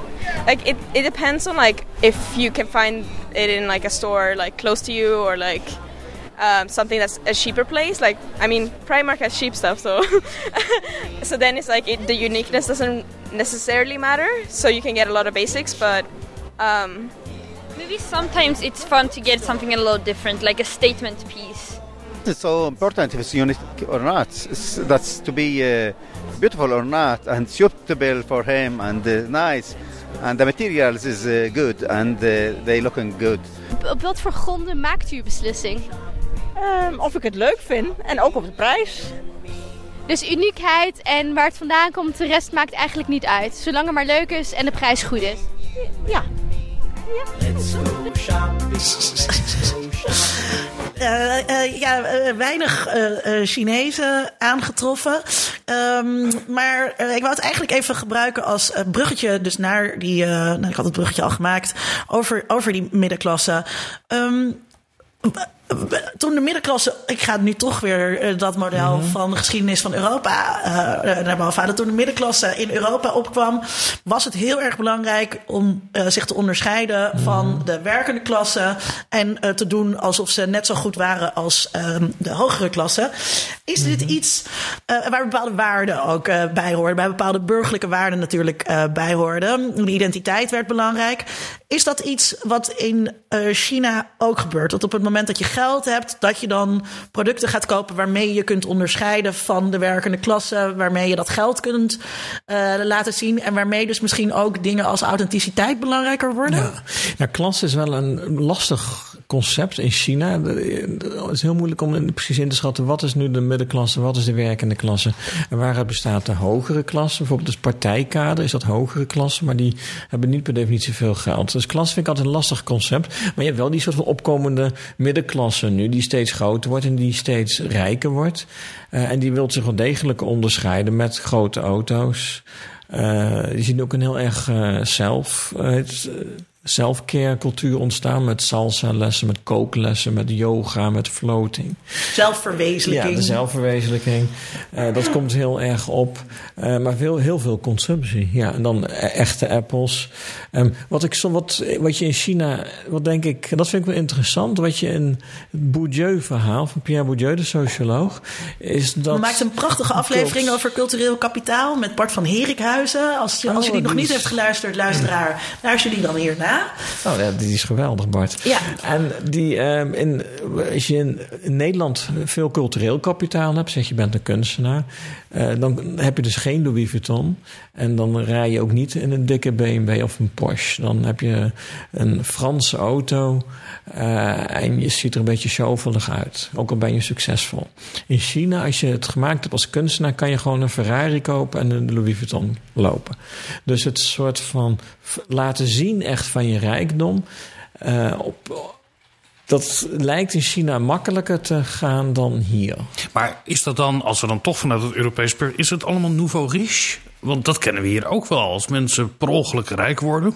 De maar... rijk geworden patatboer? Ja, ja daar, daar, daar, komt het verhaal dat klasse zo ingewikkeld ligt in China. Nee, ik heb, ik heb dat complex ligt dan nouveau riche. Dat het ook uh, sociaal gezien meer acceptabel is dat je het verschil in rijkdom laat zien. En dat je het hier juist een beetje onder dat je het hier meer wegdoffelt. En dus het is niet, niet alleen de Gordon in zijn Hummer en in zijn grote ja. villa op het gooien. Nee, het is, ik heb het over andere mensen dan Gordon. En wordt dat succes ook uh, uh, gewaardeerd? Uh, ja. in, in de omgeving van kijk, deze meneer ja, of mevrouw is succesvol. Idee, ik vind het vaak, ik denk, wat moet je nou zien? Maar ja. nee, dat vinden ze wel oké. Okay. Ja, dus dat wordt meer gewaardeerd. Maar er worden ook, dus de Nouveau Riche, er zijn ook best wel veel soort van comedies over. Uh, dat zijn van die, die, die, gaan shoppen bij Cartier en met uh, hoge hakken. Dus er wordt wel degelijk ook een parodie gemaakt op de Nouveau. Op Is er niet net een film uit die zo heet? Uh, Rich Asians. Ja. Rich Asians, ja. ja. ja. Ja, dat, gaat, ja, dat is ook een spel mee. Dat speelt ook heel erg met, met hele grote rijkdom. Maar dat maar speelt wie, lacht, in wie lacht die nieuwe middenklasse dan uit? Zijn er, is, wie kijkt er naar dat soort uh, programma's? Uh, de, de, de, hipsters. De hipsters? Lachen, ja, de hipsters. Want je ziet ook echt een soort van hipstercultuur opkomen. Dus de, de, de meer, degene die meer cultureel, die zich meer cultureel willen. Uh, en zijn dat dan de mensen die wel naar die moeilijke documentaires kijken die gemaakt worden? Ja, ja, die, gaan naar die kijken naar documentaires. Uh, die gaan naar, naar, moderne kunst kijken. Die gaan naar dansvoorstellingen. Uh, dus die hebben, ja, daar lijkt het ook een beetje zoals in Amsterdam. Ja, dus die culturen die bestaan gewoon parallel ja. aan elkaar. Ja. En is, is dan voor hen uh, um, die authenticiteit belangrijker? Nee, ik denk dat voor iedereen authenticiteit belangrijk is. Alleen die authenticiteit wordt op een andere manier geconstrueerd. Dus ik denk dat die Ferrari ook voor, voor, een, voor sommige mensen een teken is van... kijk, zo authentiek, uh, rijk en hip ik aan ben. Mhm. Eh, maar ook binnen, de, binnen die hipsterculturen in China is het inderdaad ook dat je kleed je heel, zeg, vrij basic. Eh het is vaak heel erg geïnspireerd op Taiwan. Je gaat thee drinken in theehuizen. Eh, je gaat kalligraferen. Eh, dus dat is een soort van meer basic, achter, terug naar de basic-achtige cultuur. En Eh, ook weer dat- die ambachten, wat je ja, zegt. En het ook een herwaardering van het ambachtelijke. Wat nu ook interessant is, dat die gaan bijvoorbeeld ook naar Japan. En waarom? Omdat Japan zo ambachtelijk is. Dus Japan wordt nu een reis naar het verleden. Terwijl Japan was altijd ja. het beeld van de toekomst. Ja. Maar China is inmiddels ook technologisch. De Chinezen vinden gewoon de Japanse techniek ook. Ook de te- mobiele telefoons vinden ze ouderwets. Ze hebben nog van die opklaptelefoons. Wat voor telefoons? Die, eh, Je kon ook eh, eh, de die klem eh, shell. Ik zie die ouderwetse Motorola-achtige ja, dingen. ja, ja, die hebben ze nog in Japan. En de Chinezen gaan echt... eh, Dus Japan wordt een land van nostalgie. Van het ambachtelijke, van nog eh, basale techniek. En dat vind ik ontzettend fascinerend. Dat is gewoon in twintig jaar tijd is dat helemaal omgeslagen. Want Japan was altijd het land van de toekomst. Maar ik vond het ook wel toen ik in. Japan was, had ik de hele tijd het gevoel dat ik in de toekomst van de jaren 80 was. Ja, Weet je dan, de, Ja. jaren 80, maar dan veel meer geavanceerd Ja. dan wij waren Ja, in de jaren. 80. Ja, maar wel, Ja, het maar wel heeft een een soort van. Blade Runner-achtige... Precies. Maar wij waren op zoek naar de Chinese eh, toeristen. Eh, niet gevonden, maar die zijn er wel Die zijn natuurlijk er heel veel. Veel in de bijkorf. Als je kijkt naar Ja. de Louis Vuitton, er staat altijd zijn ook Chinezen. Wat, wat is het? durfden niet zo goed binnen te filmen, wat, dat was ook een ding. Wat, wat is het verlangen? eh, want als wij gaan reizen en we willen andere culturen zien, Mhm. andere, dan hebben we daar vaak allemaal ook redenen voor dat we iets willen begrijpen van een andere cultuur of een ander land. Veel is- mensen ook niet, hè? Nee, ja, Nee. veel mensen ook niet, want dat is ook... Ja, nou ja, Veel dat mensen was- gaan gewoon natuurlijk naar Turkije en die gaan daar in een resort zitten met andere Nederlanders. Ja. Heel veel mensen Ja, ja, gaan ja, naar, ook gewoon eh, naar, eh, Costa ja. plek- geëikte plekken. Dat, Wat wel ehm, is, je hebt gewoon... Je hebt echt veel minder vrijheid in China. En er zit vrije tijd. Je hebt veel minder vrije tijd. Ja. Dus je hebt veel minder vakantiedagen. Je hebt, het idee dat je vier weken vakantie kan hebben is ondenkbaar. Dus je moet gewoon heel, hele korte tijd. En dan wil je toch heel graag, omdat het vaak mijn de eerste trip naar Europa.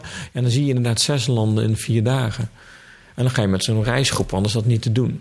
Dus het heeft ook, denk praktische factoren. Dus niet zozeer dat het, maar dat het de meest efficiënte manier is om toch zoveel mogelijk landen mee te pikken. En wa- wat is de reden voor, eh, nu- moet je gaan spreken voor, nou, voor alle Chinezen, maar wat, is er een Chinezen. verschil in de reden voor toerisme die van de Chinezen die nu gaan reizen? Nee, vriendin van mij die ging afgelopen zomer naar Londen voor een concert van Eminem Kijk, uit ja, Peking. Dus je, het is een heleboel redenen om te reizen. ja dat, eh, ehm, Jeroen, dat is je- heel herkenbaar. Je, eh, je doet ook onderzoek naar musea, eh, als ik het goed heb. Nee, ik- ja, ja. Naar, naar kunst. Meer naar kunst dan. Maar ik kijk ook wel naar de mu- musea. Maar niet, ja, En ehm, kunst is strikt. Ja. eh, hoe, hoe verhoudt zich dat dan tot eh, zo'n dorpje als eh eh Dafen? Ja, wat je, hier, weet ik minder, hier heb ik minder onderzoek naar gedaan. Wat je heel erg ziet is de opkomst van het privémuseum. Probeer ik nu gewoon trouwens ook gewoon Urk te vergelijken met Rotterdam? Is dat ook een beetje dat ik twee aspecten van China eruit pik en dat ik zeg ja, maar die komen, die moeten die matchen met elkaar? Nou, maar, ja, maar Urk en Rotterdam kan je ook in één vraag noemen. Ja. Dus het heeft ook iets. Het heeft ook, anders wordt het ook heel erg. Als je continu moet zeggen van ja, maar China is zo'n groot land, dus overal is het anders. Dan, Dan doe je ook geen recht aan wat China is. Ja, dan, dan, dan verzand je alleen maar in het unieke en dat alles bijzonder is. En dat, dat vind ik ook niet erg werkbaar. Dus je kan best wel patronen zien. En is zoiets als daarvan, dat zegt wel ook iets over China en over Zuid-China. En eh, wat je nu ziet bij musea, je ziet, eh, één ding wat je vaak ziet, is dat de, de motor achter de Chinese economie is voor een groot deel de real estate. Dus er worden ontzettend veel wooncomplexen gebouwd. En om die wat meer cachet te geven, prikken ze er vaak een museum bij. Dus dat is één reden waarom er opeens veel meer musea zijn. Dat is een real estate truc eigenlijk om die waarde van die appartementen op, op te Oh, ja. drijven. Van, dan ja, heb wat je normaal een zwembadje erbij Ja. en dan... En dan Die eh, ook ja. nog een museum erbij van. Ja. We hebben ook Maar wat wat ook een hier. truc natuurlijk is, wat eh, eh, het Guggenheim ook eh, gedaan heeft met een beetje achtergestelde gebieden in Ja. bepaalde landen Ja, ja, om die erbij te trekken. ja, klopt. Be- Dus- be- beproefde de identificatietechniek. Wat hangt er dan in die musea? Ah, dat, eh, soms staan ze leeg. Eén museum wat ik redelijk goed ken, dat is wel vrij goed. Die hebben gewoon echt exposities van vaak meestal Chinese moderne kunst. Maar dat is, dat is een goed museum. Today Arts Museum. En dat ligt bij Pingguo in Peking, in Zuid-Peking. Ehm, maar eh, Dus of, kitscherige kunst, alles. Dus eigenlijk alles kan weer opnieuw. Je ziet wel vaak echt rare uitwassen. Dus bijvoorbeeld een vriend van mij, die was vorige week ging hij naar een nieuw museum, twee uur rijden ten noorden van Peking. En die zei van ja, er was daar een disco en hele slechte kunst en het zag er allemaal niet uit. Ja, ik vond het dus geweldig. En ik dacht, nou, dat is spannend, want dan krijg je dus een hele rare vertaling van wat creativiteit en wat kunst is. Een ander patroon wat je ziet is dat er gewoon echt heel veel geld is in omloop is, wat ook moet roleren. Er worden gewoon echt heel veel privémusea gebouwd. En dat op de meest gekke plekken, dat je gewoon twee uur moet rijden in de file staat. En dan kom je in een ontzettend mooi, hip gebouw, gemaakt door een Japanse designer. En daar heb je dan of Chinese kunst. Maar dat, dat kan soms staan die leeg, maar soms staat er ook echt hele mooie kunst. En omdat er heel veel geld in omloop is. En dat begrijp ik nooit. Ik, dat, wat ik daar nooit zo goed aan begrijp is, hebben we geen publiek. Dus wat, wat is hier het verdienmodel? En dat heb ik nog niet ontdekt. Ja, dat, ja, maar ik vind het een hele interessante vraag. Want ik kan me voorstellen als je het gewoon in je prospectus wil opnemen. Ja, en er- dat- er is ja. ook een museum bij. Ja, dat snap ik dan wel. hoeft er op een gegeven Ja. moment hoeft er ook niemand meer heen natuurlijk. Hè? Want eh, de, de boel is verkocht en dat geeft Ja. het cachet eraan. Ik, ik, ik ben in India wel Het vaak... geld is dan wel verdiend, bedoel je? Ja, nou ja, het is net als een zwembad. Als je dat eenmaal daar hebt. Ja. Je hoeft niet te gaan zwemmen om het, eh, het complex wel daarmee enig Ja. eh, aanzien Ja. te geven. Ehm, nee, ik zat te denken, binnen India wel vaak in musea geweest. Vond ik ook prachtig dat je eerst een museum bouwt met een soort thema. Maar dan blijkt je toch nog vierkante meters over te hebben. Nou, dan zet je daar gewoon andere leuke dingen neer. Die eigenlijk niks Ja. met een museum te maken hebben. Die striktheid die wij vooral hier eh, in Europa hebben over wat een museum moet Ja, zijn. dat vind ik dus. Want vaak word je dan, hoor je dan van, nou, dat klopt niet. Dat is banaal dat je er een disco naast bouwt. Terwijl ik denk, nou, je moet het omdraaien. Je moet Ja. kijken, het kan dus ook anders. En dat vind ik het, eh, dat is ook het mooie aan reizen. Dat één keer per jaar je. toch? Dan is het museumnacht en dan mag het. Dan mag je Ja. dansen bij de nachtwacht. Ja, Ja, Dat maar dan doen soort- wij er dan weer heel bijzonder over. Ook dat daar het heeft Amsterdam weer carnaval gemaakt. Dat het een namelijk, we maken van alles carnaval behalve carnaval. Maar dat het een culturele commissie dan, eh, dan eh, moet hebben. En, eh, en, een- en er moeten creatieve posters voor gemaakt worden. En het moet bijzonder zijn. Hey Jeroen, dat, eh, dat ERC-project van jou Ja. heet dus eh, From Made in China to Ja. Created in, in Ja. China. Wat, wat bedoel je met die titel? Wat is het verschil Nou, tussen maken en creëren?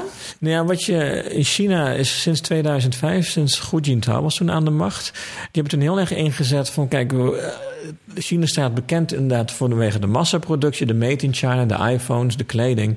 Ehm, dat is geen houdbaar model. Uh, wij willen een andere, we willen een innoverende. En dan krijg je toch het, het, het is het mondiale discours wat je hier ook hebt. Amsterdam wil ook creatief zijn.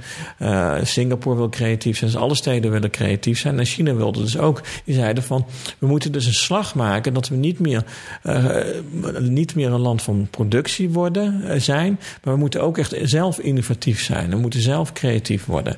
Dus het was toch een beetje vanuit de achter, van een perceptie van we lopen achter. Um, we moeten een inhaalslag maken en we moeten zelf echt creatief worden. Dus een, dat is in 2005 begonnen. Dat is nu al 13 jaar aan de gang. En wat je dus ziet, dat er overal creatieve districten zijn gebouwd. Uh, dat er heel veel uh, geld wordt gegeven aan, aan design, aan mode, aan gaming. Aan, en vooral nu, met het, nu is nieuw beleid, het Internet Plus beleid. Dat er ook heel veel geld wordt gestoken in technologische innovatie, in artificial intelligence, in virtual reality, in augmented reality. En al die technologieën. Want China daar ontzettend veel in investeert. En dat is dus onderdeel van het beleid. En mijn vraag in dat ESG-project was dan: maar ja, wat betekent dan dat idee van creativiteit in China? Hoe hangt het samen met governmentality? En die governmentality mm-hmm. was deels met het verwijs dat naar de overheid, maar ook naar zoiets als die mondiale kunstwereld. Die natuurlijk ook een hele grote rol speelt. Of het filmfestivalcircuit, die ook een hele belangrijke rol speelt. En mijn derde vraag was dan: welke mogelijkheden voor kritiek zijn er dan nog? Hmm. Als juist die creativiteit, die vaak toch een beetje gezien wordt, dat er zit iets, iets edgy aan, iets, iets kritisch aan. Wat is er dan nog mogelijk in zo'n context waar het zo erg wordt ingekapseld in een mondiaal creatief systeem, als mede in een land waarbij de overheid nog zo'n sterke vinger in de pap heeft. Dus dat waren eigenlijk de leidende vragen. Dat ga ik dan bekijken. Of bekijken wij bij de moderne kunst, film, calligrafie, uh, televisie van Groenan, reality TV en die fake kunst. En we kijken naar creatieve arbeid en we kijken naar digitale creativiteit. Maar als iets zo kort geleden nog is, hè, dat er een nieuw ja. beleid wordt ingezet ja. op zoiets dat heel abstract is als creativiteit. Hoe, hoe begin je als samenleving of als, als gemeenschap met het nadenken over wat creativiteit is. Ja, maar dat, kijk, het is natuurlijk het is een top-down idee. Het is net zo goed als in Amsterdam, van dat je opeens een creatieve stad hebt. Amsterdam Waar is altijd hier, al. waar wij hier zitten, dit is ook een complex Ja, gericht op creatieve industrie. Ja, dit, dit doet me dus heel erg denken ook aan China gewoon. Of aan eh, Londen heb je, of in Lissabon heb je de FX of de LX Factory. In Bangkok heb je de Jam Factory. Het zijn vaak eh, Westergasfabrieken. Dus in China, je hebt de, de lege fabrieken. Ehm, dus kijk, eh, maar Amsterdam was natuurlijk altijd al creatief. Kijk, China is altijd al creatief geweest. Nou, Ja. Ook tijdens de culturele revolutie was er ook creativiteit in China. Dus het idee dat het, het is niet nieuw. Het is eigenlijk oude wijn, hoe heet het? Ja, oude wijn en nieuwe zakken. Ja, oude wijn nieuwe zakken. Het is, het is een repackaging en het gevaar. En dat debat, daar begon mijn onderzoek een beetje mee. Maar de- op- ik ben een beetje op het debat uitgekeken. Dat debat was in het begin heel erg van... je had de Richard Florida's die dat allemaal gingen Mhm. vieren. Dat is geweldig. En de, daar wordt de stad goed en open van. En dan had je de, de kritische hoek. En die zei dat is allemaal vreselijk. En creativiteit wordt nu toe kapi- tot kapitaal. En dat is allemaal commodificatie. Ja. En het is alleen maar precarity. En het verhult dat de mensen hele slechte arbeidsomstandigheden hebben. En dat debat is en heeft een tijdje gewoed. En dat is er eigenlijk nog steeds. Maar die posities zijn inmiddels zo helder geworden... dat het niet zo'n spannend debat meer is, vind ik zelf. En als je dat nou terugkoppelt zeg maar, aan, die, aan nieuwe middenklasse eh, Mhm, en die waarden die ze willen hebben. Eh, ik weet dat ehm, toen ik op conferentie was in Singapore, toen was er eh, eerder vanuit eh, de conferentieorganisatie discussie of we wel naar Singapore moesten gaan, omdat daar strenge anti-homo-wetten Mhm, zijn. Eh, en ik was toen bij een heel interessant panel, waarin eigenlijk gezegd wordt: ja, maar de realiteit van Singapore, juist omdat Singapore zoveel inzet op die creatieve industrie, is dat er heel erg veel getolereerd wordt. Eh, dat er op dit moment een hele bloeiende eh, gay scene is eh, in ja. Singapore. Ja. Zie je dan ook dat dat soort waarden, die ook in Amsterdam heel erg geassocieerd worden met de creatieve klasse, eh, vrijheid, vernieuwing, geen vertrutting, dat soort dingen, dat daar dan ook in geïnvesteerd wordt om. Nee, dat is dan. Oké, maar dat is vooral sinds Xi Jinping zie je wel dat het, dat het meer begrensd wordt. Dus het wordt moeilijker om, om, om spannend of zeggen om kritisch bezig te zijn. Er gebeurt nog steeds heel veel. Ik, ik sprak een keer met een designer die had deels in Londen, had een Londense opleiding gedaan. En die kon toen kiezen tussen de baan in Londen en in Peking. En die heeft gekozen voor Peking. Want wat zei ze? Zei, kijk, het Westen is een beetje als een soort van een blank canvas. Je kan gewoon doen wat je wil. Ja. Er is gewoon heel veel vrijheid.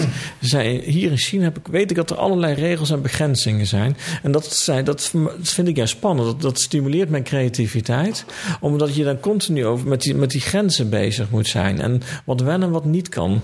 En zij vond dat dus ook op een bepaalde manier voedend voor haar creativiteit. En dat, dat, dat snap ik wel. Dat, eh, dat heb ik zo ook als ik een lezing geef in China. Juist omdat je niet alles kan zeggen, heb je ook het gevoel, dus more at stake. Je Ja, moet maar echt- ik- was een uitstekende omgeving geweest voor Kurt Cobain. Dan had hij nooit zelfmoord gepleegd. Ja, over nou, zijn is- ondraaglijke lichte. Dat, dat is een mooi voorbeeld. Want die is dus geweldig populair in China, Kurt Cobain. Die is- heeft ontzettende massa fans. Dus die, die, die past heel erg goed in het beeld van. Het is ook een film, een Chinese film, dat hij in 2011 terugkomt naar Peking op een vliegende Echt? Ja, en dat hij dan eh, eh, als rockmuzikant. Maar uiteindelijk gaat hij weer weg. Want hij zegt van ja, China is toch geen land voor mij. Jullie moeten het zelf maar doen. Nou, Ja, maar het is toch wonderlijk dat je, dat heb ik ook als je het hebt over creativiteit, die wil een plek daar creëren, dat daar direct bij mij de associatie bij wordt, daar moet vrijheid zijn. Er moeten zelfs grenzen worden opgezocht. Het moet ver afstaan Ja. van traditionele waarden. Die moeten allemaal bevraagd worden. Eh maar dat is ook- familiestructuren, ja. weet je wel. Dat associeer ik vanuit mijn zeer beperkte Europese visie op wat dan begon, eh, creativiteit het is. interessante, dat, dat, dat idee van kritiek, eh, ik had het vandaag in mijn les over, dat ik begin daar een beetje van terug te komen. In de zin dat ik denk, als je als de enige, als de maatstaf altijd maar weer is dat je kritisch moet zijn, dat is ergens ook vermoeiend. Dat heb ik hetzelfde tegen mijn studenten zeggen. Als je, vroeger zei ik tegen mijn studenten, je moet altijd kriti- kritiek hebben op de teksten die je leest. En nu denk ik vaak, nou, ik vind het prettig als je ook echt kan aangeven wat je er goed en mooi aan Neem, vindt. neem maar eens met over. Nou Waar, waar Vincent en ik hebben het er heel vaak over ook. Dat eh, eh, kritisch zijn aan de universiteit vaak ook is her- leren denken zoals de docent denkt. Ja, ik vind het vaak van een soort socialisatie. dat je, ja, een soort van eh, socialisatie. En dan, en dan bijvoorbeeld ook de, geestes, Ja. de geesteswetenschappen die, die zich dan gaan legitimeren van ja, maar wij leiden tot wij leiden kritische mensen op. Want ik denk dus andere Dus dat vind ik heel. Dus uiteindelijk dat, dat, dat idee van kritiek kan soms heel problematisch zijn. Maar, en dat eh, tegelijkertijd eh, vind ik wel dat je het ook wel moet verdedigen als mensen zich in China zich wel durven, durven uit te spreken. Dit is En wat je geen pleidooi voor censuur. Nee, nee, dit is geen pleidooi voor censuur. En dat, Ik wil nog iets, maar en dat het toch ook echt. Het denken erover dat we kritisch moeten zijn, hè, als dat zo erg gewoon eens na de Tweede Wereldoorlog, jaren 60, op is gekomen, was toch vanuit het idee dat de wereld er mooier van zou worden en rechtvaardiger. Ik kan me voorstellen dat je in China denkt, ja. Dat is in, in het Westen ook niet gelukt. Het is niet de grote omwerping geweest. waarin begin Ja, jaren dat is- 60. Tuurlijk ja, zijn er dingen ja. veranderd. Eh, nou, maar de- oh, wat, sle- wat, goede, wat slechte voorbeelden zijn in wezen voor de Chinezen om te denken van, nou, het is toch ook niet zo ideaal. is ten eerste Rusland, die, of de Sovjet-Unie, die daarna ook niet heel duidelijk veel, eh, er waar ook allerlei problemen zijn, of juist toename. En Trump, dat is ook niet een heel goed visitekaartje om te zien van, god, democratie, moet je kijken wat er Ja, gebeurt. Geweldig. Wat het Ja. brengt. Ja. eh, Dus Ja. er zijn, dat zijn wel lastige voorbeelden om nog het, het, het, het, het, het, demo- het, het, het, het democratie baken te- van licht eh, Ja. Donald Ja. Trump. Ja, dat lijkt me heel lastig mijn, uit te mijn leggen. probleem- wat ik jammer vind aan China, ik, dacht, ik heb eh, best wel een tijdje gedacht van ze zijn eigen, want het gaat economisch zo goed. Dus het zou mooi zijn als ze proberen een ander systeem te bedenken, wat, wat nog, eh, zo, auto, nog zo autoritair is, nog zo kapitalistisch, kapitalistisch is als hier. En dat is er niet gekomen. En wat je nu ziet, en dat Het is is echt wel- hyperconsumptie, toch? Ja, het is, het is- ja, het is heel erg, het is heel erg, gedreven, heel erg gedreven door consumptie. En maar tegelijkertijd wordt het ook heel erg aangestuurd door ideologie. Dus het idee dat het helemaal niet communistisch is en dat de partij totaal een lege huls is, dat klopt niet. Dat, eh, die macht is, die is echt zo diep vertakt door de hele samenleving. En dat lukt je niet. Je lukt niet die positie zo lang vol te houden als het een farce is. Dus dat, dat is het niet. Ja, en ook het, het, het, het denken daarover. Ik had een aantal eh, Chinese studenten eh, afgelopen jaar of afgelopen paar weken in Utrecht. Ehm, eh, die eh, op school eh, Marx uit hun hoofd moesten leren. Ja, is nog steeds, ja, klopt. En dat, dat nemen ze wel echt mee hier naartoe. Dat, Ja. dat, is, dat, is, dat beïnvloedt hun denken meer dan dat het Nederlandse geesteswetenschappenstudenten.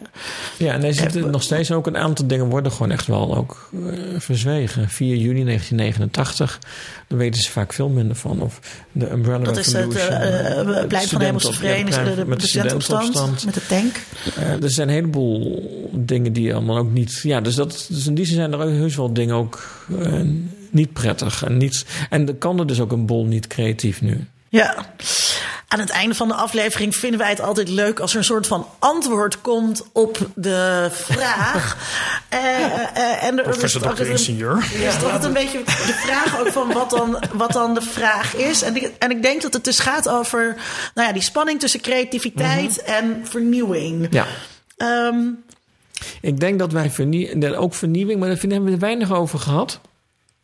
En daar, daar, daar worstel ik nog het meest mee, omdat ik best wel zie dat als je iets precies hetzelfde doet, dat het toch ook niet zo interessant is. Ik, een eh, Gus van Sant die Hitchcock na gaat doen, ik begrijp dat ook nooit zo goed. dat maar, ik denk maar, van, maar, Shenzhen is op geen enkele manier, als je kijkt naar eh Shenzhen als geheel, is dat op geen enkele manier een kopie van het Westen. Nee. Dus ze verkopen er misschien wel eh, kopieën van, ja. van spullen Ja. uit het. Maar aan zich is het een heel innovatief concept. Dus de, de context van consumptie is al heel anders. De manier, ook de, de producten, want ze maken Paul Smith nou, maar ze, maken, ze bedenken ook nieuwe Paul Smith die meer bij hun smaak past. Dus ze gaan ook mensen gaan aan de haal met de merken. Dat vind ik ook altijd heel mooi om te zien.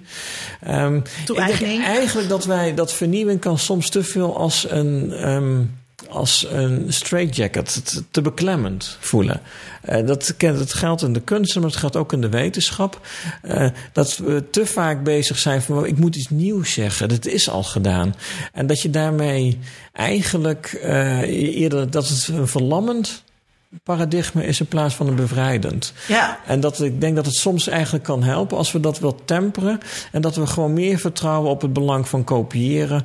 Op het belang van inderdaad, Reproductie. eh, reproductie, stelen, jatten. Ik, noem, ik vind, voor mij creativiteit is heel promiscu. Het, het, het schuurt tegen van alles aan. Tegen. Stropen, eh, Michel ja. de Certeau, de textual poaching. Ja, ja, klopt. Het stropen van Michel de Certeau. En dat, ehm, en die, dat is een soort van herwaardering van al die rare praktijken. die voor mij dan het belang van het nieuwe.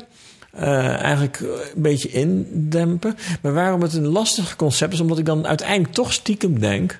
dat je altijd je eigen stem hebt. Dus dat- al die toe-eigingen, al dat gejat, levert toch altijd weer net rare kleine verschuivingen op. En daar zit het vernieuwende. in. Maar dat vernieuwende komt niet van dat grote paradigma. van je moet nu echt iets nieuws bedenken. Ja. En ik vind het echt verlammend. Ook juist zeker nu in die internet.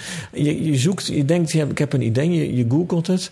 En er zijn er gewoon alweer zoveel boeken en artikelen over. Vincent, Dus- in, in Nederland, eh, wij hebben ook een aflevering gemaakt over creatieve industrie en over speerpunten en kernpuntenprogramma's. en hoe Ja, dat voor ja. in de wetenschapsagenda allemaal heel erg naar voren wordt geschoven. Ja, en hoe we dus allemaal Ja, het ontzettend moeten innoveren. Ja. Jij hebt een, Ik zie het in het onderwijs heel erg. leergang onderwijs, Ja. innovatie, waarin Ja. ook alles de hele tijd. Nou, er is geen onderwijsinnovatie, maar in ik wil er wel iets 21ste over zeggen. Dat vind ik heel interessant dat Jeroen dat zegt. Dat, ik kom heel veel tegen, want ik eh werk dan met historici samen, met mediawetenschappers. En ik heb het zelf natuurlijk ook vaak meegemaakt. Wat een Dus- diverse groep. Ja, Historici eh, en eh, mediawetenschappers. filosofen, taalkundigen. Echt heel verschillend. Nee, ik ben nog heel goed. eh, Straks zeg je nog dat muziekwetenschap erbij. nee, ik ben nog heel goed dat ik een vak filmgeschiedenis ging geven. Want we moeten allemaal dat soort dingen doen. En dat eigenlijk bijeenkomst 1 ging erover. We moeten anders over de filmgeschiedenis gaan nadenken. En dat gingen we tegen eerstejaarsstudenten van 18 zeggen. Want we moeten dat hele teleologische begrip loslaten. Want we moeten daar op een andere manier over na gaan denken. Die jonge mensen die daar zaten hadden nog geen flauw idee van de Ja. filmgeschiedenis. En ze moesten beginnen met er anders over na te denken. Ja. En dat is me altijd bijgebleven. Dat zie ik nu ook met mensen die een vak gaan verzinnen. Die beginnen vaak met: we gaan iets lezen om kritiek te hebben op iets. Zonder dat ze een keer de studenten meenemen. Een keer iets te kopiëren. Ja. Laten we het eens Ja. een keer Ja, eh, ja, eerst dat- reproduceren. Weet je, wel. Ja. je hebt iets gelezen. Wat stond er? Wat, en dan pas veel later. Dan kan je eens een keer nadenken. Hoe vouwt dat zich tot elkaar? Of wat voor Ja. kritisch denken kan je daarbij hebben? En dat het ook op En die manier. Want dat is, dat is natuurlijk wel als. ehm, eh, er hangt een hele vieze smaak omheen in Nederland. Juist omdat al die innovatieagenda's er zijn. Mag je eigenlijk nooit zeggen: ik kopieer dit. En vinden we dat dus inderdaad bij studenten slecht. Ehm, eh, terwijl ik bedoel, al die knakkers die bij Rembrandt eh, in het atelier stonden. die moesten die het eerst ook goed ook. leren Ja, natekenen. dus ik, ik vind En het nog, een ja. manier van denken over leren, over didactiek, zitten we heel erg aan die kant van we gaan de studenten daarin anders, kritisch, eh, interdisciplinair, eh, allemaal dat soort, soort buswoorden die Ja. er dan bij komen. Terwijl het gewoon een keer je tot je nemen en het kunnen reproduceren, Ja. dat, dat laat, eh, raken we uit het oog. En dat zien we ook bij de creatieve industrie. En je ziet het ook, ik ken het ook wel op de kunstacademie, mensen moeten dan iets anders gaan doen. Ja. Wat is het toch? Ja, dat, dat, dat, dat geeft, eh, wat jij zei, soort, soort. Dan heb je een wit canvas, maar het moet wel anders. Ja. Ja. En dat zijn twee dingen die ontzettend verlammend eigenlijk zijn. En buitengewoon niet innovatief. Eh, want je krijgt dan de vorm van innovatie en niet het innovatieve. En je krijgt de vorm van kritiek en niet het kritische. Niet allemaal natuurlijk. Maar dat is het juk waarin je dan eh, terugkomt. Zowel in de wetenschap als in de kunsten. En ik denk dat daarin eh, dat romantische ideaal wat erachter schuil gaat, ook wel eens een keer kritisch bekeken kan worden. Ja. Dus eigenlijk zeggen jullie nu: het nieuwe vernieuwende is kopiëren, reproduceren, stelen, plagiëren. Nou, ook het ambachtelijke. Daar- het daar ambachtelijke. zit het Het ambachtelijke. Gewoon Ja. een keer, doe maar eens dagelijkse- 10.000 keer iets tot je dat keer maken. Ja. Nou, calligrafie is natuurlijk een prachtige vorm daarin. Eh, dat is, maar ook, ja, eh, ik, ik zie het aan de andere Maar kant... misschien niet, weer niet het kleuren met Ravensburg. Weet je, dat je die ene en die twee. Iedereen kan schilderen. Die- Iedereen kan malen. schilderen. Ja, dat. Dat, dat weet ik daar, dat dan misschien weer net niet. Nou, eh, dat is misschien het andere uiterste, maar... eh, Maar er zijn natuurlijk e- e- enorme. eh, want ik denk wel dat het. Dat het eh, je hebt het enorm gro- groepen huisvrouwen die vast een hele leuke parttime baan hebben. En eh, voormalig ministers. Die dan dus inderdaad aquarellen gaan schilderen. eh, eh, die aan beeldhouden eh, eh, doen. wat ze, wat, en wat heel erg op dat ambachtelijke gericht is. En wat we dus nooit kunst zouden noemen. Ja. En dat heeft ook weer te maken met dat we dat dus een beetje burgerlijk vinden. Ja. Dat we dat dus ook niet creatieve status willen geven. Omdat we die groepen geen creatieve status willen geven. Omdat ze niet cool zijn. Ja, en die coolness eh, is, is, is een vorm. Ja, Eh, eh, Jeroen, tot, er, er is nu in, in, eh, in Amsterdam een eh, tentoonstelling die heet eh, Cool Japan. Ja, wat, is, eh, wat is Ja. Cool China? Cool China, dat is toch heel erg de technologische vernieuwing, de artificial intelligence, de virtual reality. Ehm, je hebt nu een restaurant waar je alleen nog maar door de robots wordt bediend. Dus het technologische is echt cool.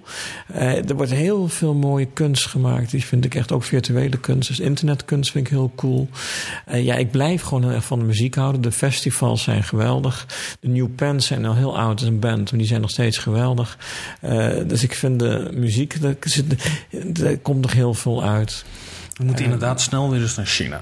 Ja. Ja, Ja, het stond, het stond eh, eh, Inderdaad. wat staat bovenaan eh, op mijn eh, lijstje eh, in ieder geval. Een speciale aflevering van Onder Media Doctoren. Rechtstreeks vanuit Beijing. Eh, Rechtstreeks vanuit zijn podcasts een beetje in, in China. Dat weet ik niet. Ja, dat weet ik Vast wel, vast wel. Als ik het gewoon echt niet weet. nee. Ja. Daar, daar, daar, daar ben ik dan eigenlijk wel eh Dan ga ik uitzoeken naar. voor jullie. Ja, nou dat zouden we wel leuk vinden. Of misschien eh, weten een van onze luisteraars eh, dat. Ja, dat, dat... zou ik wel echt benieuwd naar zijn. En waar gaat het dan ook over? Ja, Ja. ja. ik Ja. denk over dus hele coole technologische Vast wel. shit. Ja. Ja, ja. Jeroen, ehm, eh, eh, maar dat weet je dan misschien wel. eh, Is, is, is vloggen dan een ding? Is, er- want er zijn Ja. allerlei Ja, vloggen is groot, toch? net- Ja. netwerken waar Ja. wij geen weet van hebben. Nou, je hebt bijvoorbeeld, nou, wat, je hebt, ik heb net onderzoek gedaan met een student van mij, Lin Jen, over Kuaishou. En Kuaishou is een app die richt zich speciaal eigenlijk op het platteland en op de kleinere steden, dus zeg maar steden van 2, 3 miljoen. Ehm, voor, eh, en dat zijn kleine video's die, ze, die mensen uploaden. En dat, was, eh, dat is ontzettend populair. Dat is bijvoorbeeld een migrantenarbeider die ook in Shenzhen bij de fabriek ging werken. Die is, eh, later heeft hij zich omgeschoold via internetcursus tot goochelaar. En die verdient nu iets van 8000 euro per maand. Ehm, dus het, met zijn filmpjes op die app. Dus je ziet al Eh, allerlei ja, nieuwe dus- beroepen opkomen, geleerd nieuwe aan die technologie. Ja, dus ja, en dat maakt. eh, dus nou ja, wat je clown ziet, is natuurlijk niet echt een nieuw eh, beroep. dus goochelaar, maar ook, ook filmpjes over koken, filmpjes over schaars geklede dames bij auto's. Dat werd op een gegeven moment, want om, om publiek te trekken en dus om geld te genereren, moet, je, ehm, hoe heet het, moet je gekke dingen doen. Dus op een gegeven moment werd het net iets te sexy. Dus zijn ze in april zijn ze eh, op de, voor de thee uitgenodigd. Zo heet dat in China. Dan moet je voor de thee uitgenodigd bij de partij. En eh, toen hebben ze mensen in dienst moeten nemen om de content wat beter te, in toom te houden. Dus dat heb je dan weer wel, maar het is, het is waanzinnig populair. Het lijkt me een super gaaf eh, eh, fenomeen om te onderzoeken. Ja, het is heel mooi. Ja. Ja, ja. En dat is ook weer een soort van creativiteit die ik dus heel spannend vind. Een soort van alledaagsheid eh, die je totaal niet ziet in de bioscopen. Die totaal niet losstaat eigenlijk van... En het is niet dat het niet commercieel is. Het is ook duidelijk heel erg commercieel. Het is niet dat het niet gereguleerd is. Het is dus duidelijk ook gereguleerd. Dus binnen al die kaders zie je toch hele rare vormen ontstaan. En waarschijnlijk dus ook allerlei eh, genreconventies die er zijn, die eh, eh, eh, gekopieerd worden omdat Ja. die succesvol Ja. zijn. Dus dat je dat soort patronen weer terug kan. Wat je natuurlijk ook bij alle YouTubers ziet. Ja, klopt. Als jij dan zegt sexy dames bij de auto. Ja, natuurlijk. Ja. Ja. dat is een mondiaal. Ja, klopt. Ja. Ja. wel, ja.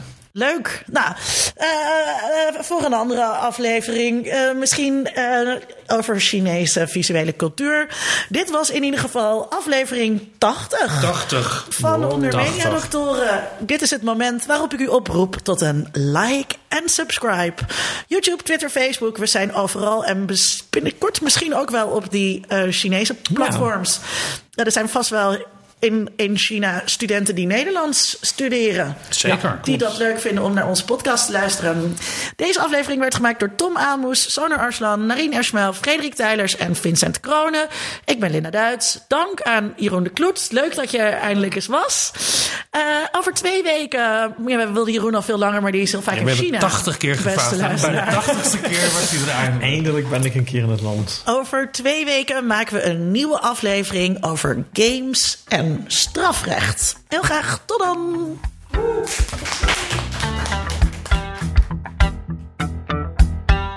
Onder Mediadoktoren is een podcast van Vincent Kronen en Linda Duits. Meer informatie vindt u op ondermediadoktoren.nl.